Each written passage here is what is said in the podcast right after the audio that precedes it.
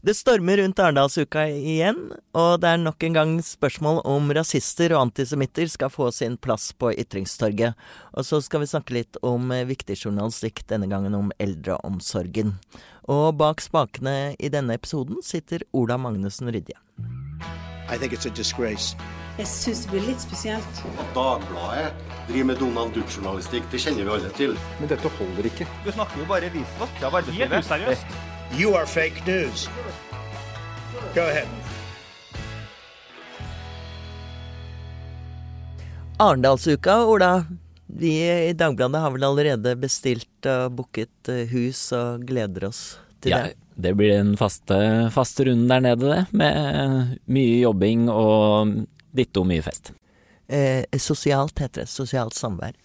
Men eh, podden skal også ned der og holde to livepod-forestillinger, så, så det blir eh, morsomt i år. Eh, Men Arendalsuka er jo da denne uka hvor politikere, journalister og organisasjonsliv og næringsliv eh, samles i pollen i Arendal. Og de har hatt en helt utrolig suksess. De er jo De har jo kopiert Almedalsvekkan i Sverige, som har holdt på i veldig mange år, og er nesten oppe på siden av dem. Eh, og de er blitt eh, vil de påstå, i hvert fall, da. det er kanskje omdiskutert, et, eh, det de kaller et dansegulv for demokratisk debatt. Men dette dansegulvet har ikke alltid plass til alle.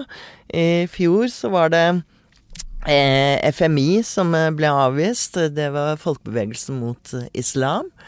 Eh, som ble nektet å ha stand der. Men, eh, og i år har det vært diskusjoner om hvorvidt Sian og alliansen skal få stand og få delta i Arendalsuka. Og først så sa sekretariatet i Arendalsuka nei, og så snudde rådet rundt og sa ja. Og så fikk jeg et eh, sjokk til, og det var at min gode kollega Jon Olav Egeland, ytringsfrihetsfundamentalisten, eh, har skrevet et stykke hvor han eh, mener at eh, rådets beslutning om å ta Hans Jørgen Lysglimt Johansen inn i varmen i Arendalsuka er bygget på en farlig misforståelse. Hva mener du med det, Jon Olav? Jeg vil ikke frata noen ytter, verken ytringsfriheten eller organisasjonsfriheten, er heller Lysglimt eh, Johansen. Men dette er, et, eh, er ikke et eh, offentlig arrangement i den betydningen at eh, det er staten eller andre som arrangerer. Dette er et privat arrangement, og hvor man har rett til å bestemme hvem som selv som skal delta. Og det er ingen selvfølge, etter min oppfatning, at eh, krefter som er antidemokratiske, klart rasistiske og antisemittiske skal få en plass i den demokratiske debatten. De må også ytre seg på sine egne plattformer og, og andre steder, men etter min oppfatning kan man ikke ha dialog med akkurat denne type ekstremister. Og Det betyr ikke at jeg er ute etter å stenge uh, ute altså spesielt eller vanskelig eller avvikende meninger, men når vi kommer helt over i denne kategorien, så tror jeg ikke at uh, det har noen som helst mening å gi dem det uh, lyset fra demokratiet. Men Arendalsuka, de holder jo altså disse standene, for de som ikke har sett det, dere har kanskje sett det på TV i hvert fall, eh, er jo på torget nede Pollen. Nå tror jeg det at er- de ikke har fått lov til å ha en stand, men bare få lov til å holde et, et, en, en, en tale. Ja, altså et riktig. møte. Ja, riktig. Men, eh, men kan liksom Arendalsuka bestemme hvem som skal eh, uttale seg i Arendal er denne jo, uken? Ja, det, det er derfor jeg sier at hvis, øh, hvis alliansen eller andre ønsker å ha et torgmøte i Arendal, så syns jeg de skal gjøre det på et annet tidspunkt, og da må de søke politiet og gjøre det på vanlig måte. Innenfor rammen av dette arrangementet så må Arendalsuka selv bestemme hvem som skal delta. Eh, Og da har de faktisk i sine egne statutter, eh, kriterier for utvelgelse, så står det jo at eh, det er de demokratiske kreftene som skal delta i den debatten. Det vil jeg definere meget vidt, Eh, men etter min oppfatning så faller alliansen klart utfor bryggekanten og ned i, i, i bryggekanten på bollen. Men alliansen er jo et eh, lovlig parti. Ja, det får til og med statsstøtte. Ja. Lysglimt Johansen og kompani kan i de, fire årene siden forrige valg innkassere 1,2 millioner kroner i statsstøtte. Så den formelle likestillingen, eh, juridiske likestillingen når det gjelder ytrings- og organisasjonsfrihet, er ivaretatt i dette spørsmålet.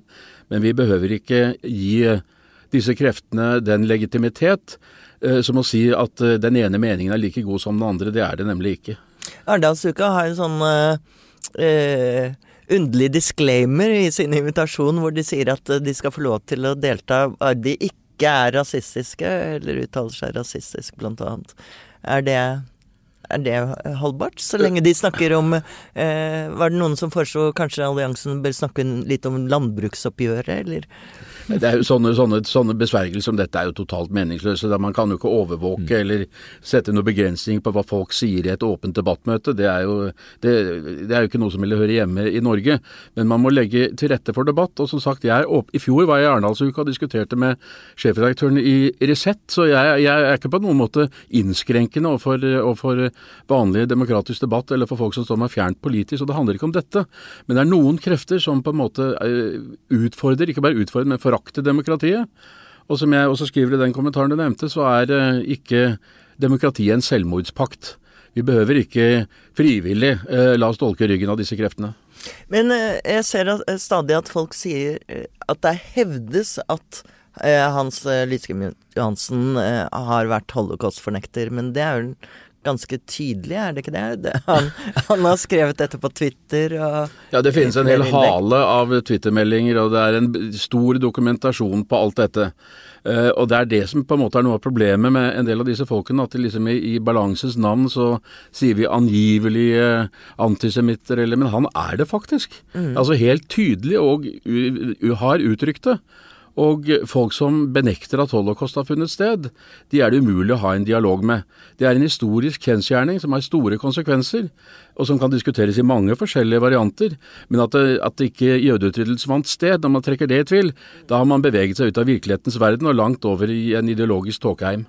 Ja, og folk, eh, jeg syns folk er ganske slappe i argumentasjonen sin når de sier den derre klisjeen at 'jeg vil ikke forby alt jeg er uenig i', men eh, her er det vel Nei, jeg vil heller ikke forby noe jeg er uenig med, ja. men jeg vil veldig sterkt argumentere mot det jeg er uenig i.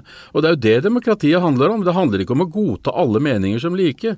Ytringsfriheten har jo en viktig oppgave, nemlig å renske ut og peke på og sette søkelys på falske opplysninger, som vi vet er et problem i vår tid, og tvilsomme eller skadelige eh, verdier eller oppfatninger. Og Der vil jo f.eks. rasisme være et eksempel på det. Noen vil si at, uh, at trollet sprekker i solen i pollen også. Tror du noe på denne teorien? Jeg tror ingenting på de som hevder at man skal tie i hjel disse fenomenene. Men det som er mitt poeng, er at man skal ikke på en måte gi dem en legitimitet hvor de på en måte blir eh, oppfattet som eh, en likeverdig partner i den demokratiske samtalen. For det er det ikke, og kan det ikke være. De, de stiller seg negative og til demokrati, rettsstat, likestilling og de alminnelige friheter som vi andre er tilhengere av. Mm. Jon Olav, til slutt så kan du forklare hva er egentlig en ytringsfrihetsfundamentalist? som du bekjenner deg til? Nei, det er vel en ytringsfrihetsfundamentalist som, som, jeg gjerne kaller meg. Det er at jeg aksepterer at uh, alle ytringer som ikke er ulovlige etter norsk lov, uh, altså det må være seg helt ekstreme holdninger, også antisemittisme, etter min oppfatning må være lov til å, å ytre. Men uh, de behøver ikke bli stående uimotsagt, og skal ikke bli stående uimotsagt. Så demokrati betyr også å bekjempe skadelige meninger og holdninger. Og siste ordet er kanskje ikke sagt fra Arendalsuka heller. Hva tror du skjer i denne saken? Jeg tror de kommer til å nå bli utsatt for et så stort press at de kommer til å endre beslutningen. Nettopp. Da får vi se, når vi reiser ned dit, uh, Ola, senere i sommer, om vi møter uh, lysglimt eller ikke. Takk skal du ha, Jon Olav. De fleste som har hatt uh, foreldre eller slektninger i eldreomsorgen, vet at den ikke alltid fungerer helt som den skulle, og med jevne mellomrom så forteller jo vi i pressen skrekkhistorier fra, fra sykehjem og behandle, behandlingen av eldre der. Eh, men av og til så er det nødvendig, ikke minst hvis man ønsker en endring, å gjøre noe mer enn disse, fortelle noe mer enn disse enkelthistoriene, og det holder Dagbladet på med for tiden. Eh, I en større, omfattende dokumentasjon av eldreomsorgen eh, med utgangspunkt i Oslo kommune. Og Ane Mulladal, denne serien heter Alle skal hjem. Hvorfor heter den det? Eh, det heter den fordi at eh, det er et politisk mål at eldre skal bo lengst mulig hjemme. Eldre svarer ofte selv at eh, de gjerne vil bo lengst mulig hjemme. Og så er det også helt nødvendig at vi som samfunn også ser på alternative måter å organisere eldreomsorgen på, ettersom at vi blir så mange gamle og eldre med, i årene som kommer. Og det vi da har oppdaga i dette arbeidet, eh, når vi har prata med aktører og lest den dokumentasjonen som finnes, så ser vi også det at de som havner på sykehjem i dag, er mye sykere, mye dårligere enn de som eh, bodde på det som het aldershjem og sykehjem tidligere. Og det er jo nettopp fordi at alle skal bo hjemme, eller lengst mulig, dersom de ønsker det. For det er jo noe de fleste ønsker seg. Ja. Altså det er jo hyggelig å bo hjemme så lenge du kan. Ja, eh, og det er jo fullt forståelig. Samtidig så er det, var det altså vi, refererte til det i den ene saken vi hadde på trykk nå i helgen, om en, en eh, kvalitativ studie som var gjort på eldre i to distriktskommuner, som viste at eldre kanskje ikke er så motvillige til å flytte hjemmefra som det kanskje mange tror. Eh, og det vi også har eh, oppdaga i dette arbeidet, er at mange eldre sier også at de ikke føler seg trygge hjemme. Og det er jo der den eh, kampen for noen oppstår, da. Nettopp fordi at uh, måten man kan legge forholdene til rette for at folk skal være hjemme lengre, det er bl.a. ved med hjemmehjelp, da. Mm. Altså noen som kommer, hjemmesykepleien mm. som kommer og ser til uh, folk. Og det er jo kanskje ikke alltid en god tjeneste. Nei, altså det spørs jo veldig på det, altså behovet til den enkelte. Um, det vi ser, I og med at flere Altså du skal være ganske syk for å havne på sykehjem nå, så vil det si at du er ganske syk eh, når du bor hjemme. Og da eh, er du naturligvis også kanskje forhindra fra å gjøre de tingene som eh, vi, tre vi, trenger å gjøre for å ha det bra. da. Komme seg ut, være på butikken, møte mennesker. Eh, over 40% av de som mottar hjemmetjenester i Oslo kommune, eh, over 70 år, de har demens. Eh, som jo også er en, en Det er et, det er et sjokkerende høyt tall. Ja, eh, og det sier jo også litt om hvem som eh, bor hjemme og sitter hjemme i hjemmene sine, kanskje ikke kommer seg så mye ut som de skulle ønske, og hvilken enorm eh, arbeidsoppgave da, eh, og eh, hjemmetjenesten har. Noe annet dere har sett på, er denne nye institusjonen eller organisasjonsformen som blir kalt helsehus som er ment å være en slags sånn mellomstasjon mellom eh, hvis eldre har vært inne til en operasjon, eh, og så er de for syke til å, å, reise hjem, men for friske til å være på sykehjem. Mm. Hvordan fungerer de helsehusene i praksis? Um, det eh, som vi har sett eh, når vi har jobba med dette her nå, det er at eh, etter Samhandlingsreformen, som kom i 2012, så skriver jo sykehusene ofte pasientene ut litt tidligere, etter de er ferdig medisinsk behandla. Dvs. Si at når kommunen overtar ansvaret for dem, så er de kanskje eh, litt dårligere enn det de var før. Det er i hvert fall det ansatte forteller til oss. Eh, og det igjen da legger jo en, altså et stort ansvar på kommunen for å rehabilitere og behandle disse pasientene, som gjerne har veldig komplekse diagnoser. Eh, så det ene helsehuset vi undersøkte, der viste det seg at til tross for at det er et overordna mål om at alle som kommer dit skal komme seg hjem igjen, komme seg på beina og komme seg hjem igjen, så er det ikke alle som gjør det.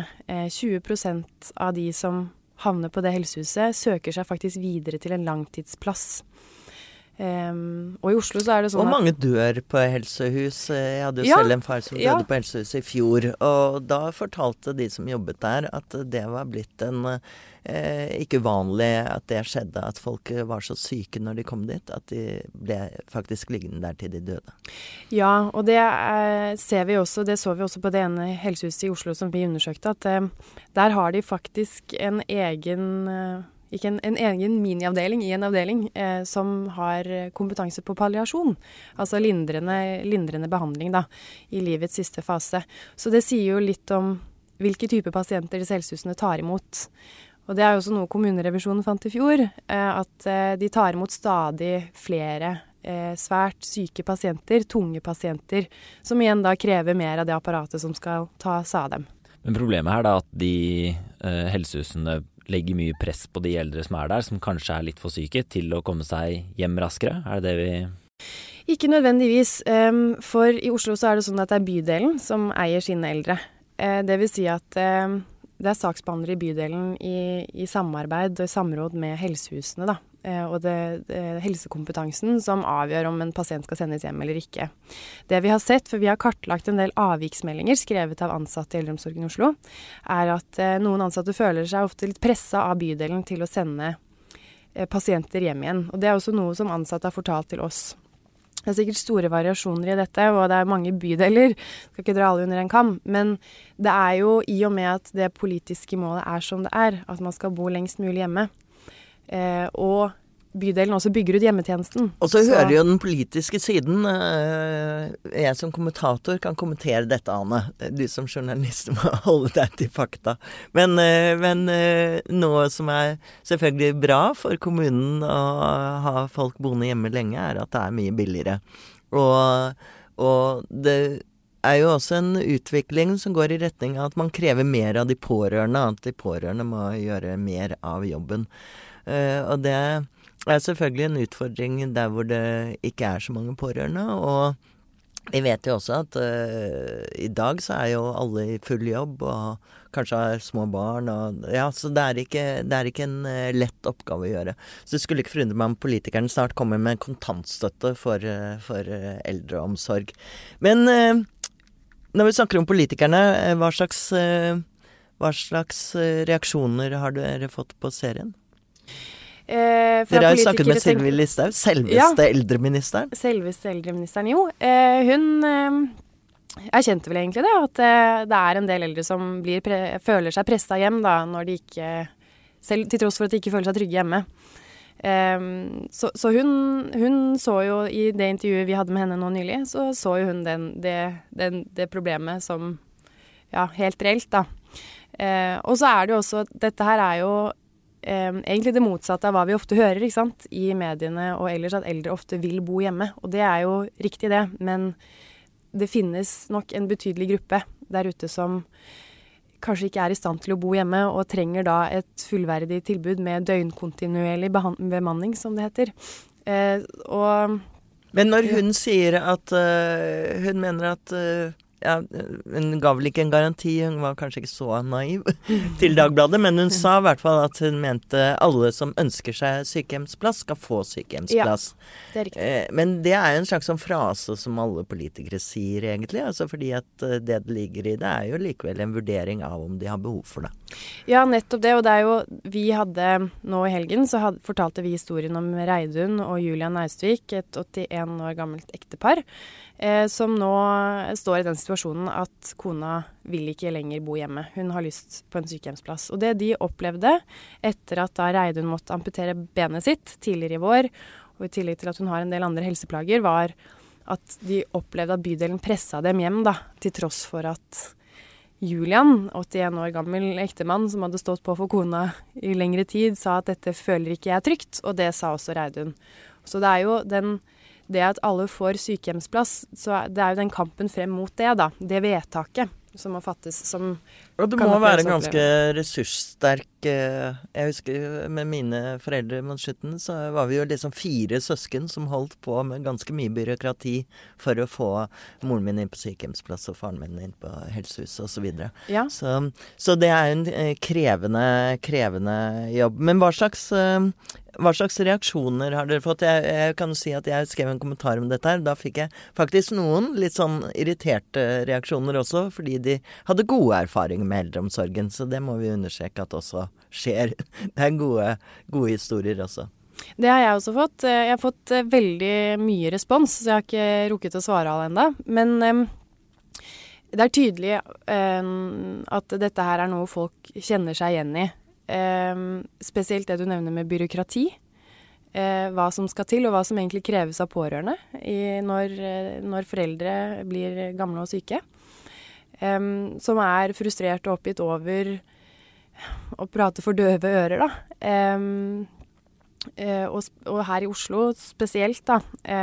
Med altså, det vi ser veldig tydelig, er at bydeler behandler dette her ulikt. Det er litt sånn avhengig, sånn som det alltid er. Hvil, hvilken person møter du i den andre enden? Eh, og så er det som du sier, vi har fått en del positiv respons eh, også på at vi løfter dette som problemstilling, men i tillegg da folk som er veldig fornøyd med det tilbudet de får da, i eldreomsorgen i Oslo og landet ellers. Men, eh, men, du har liksom inntrykk av at de gode historiene ofte er avhengig av at noen har gjort noe tatt et eget initiativ på et sykehjem eh, eh, for å legge forholdene bedre til rette, mens det er systemsvikten egentlig dere skriver om. Ja, eh, det er egentlig ofte gjennomgående. Når vi journalister er ute og prater med folk, så hører vi ofte akkurat det. At eh, det var den ene læreren eller det var den ene pleieren som utgjorde forskjellen, og som gjorde at det føltes trygt og godt. Så det, det er helt riktig. Det ser vi også i responsene og tilbakemeldingene, at det ofte er sånn enkeltpersoner som utgjør en forskjell. Men flott og viktig journalistikk. Stolt av å jobbe i Dagbladet når vi driver med sånne ting.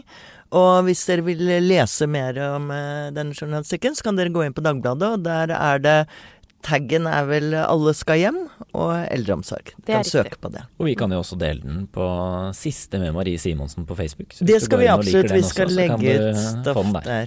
Jeg har fått kjeft fordi jeg ikke la ut 17. mai-bilde av deg i bunad, Ola. Ja, det, jeg er nesten litt sånn bitter selv, for det ble, det ble veldig fint, faktisk. Takk for at du kom, Anne. Takk for at vi kom med.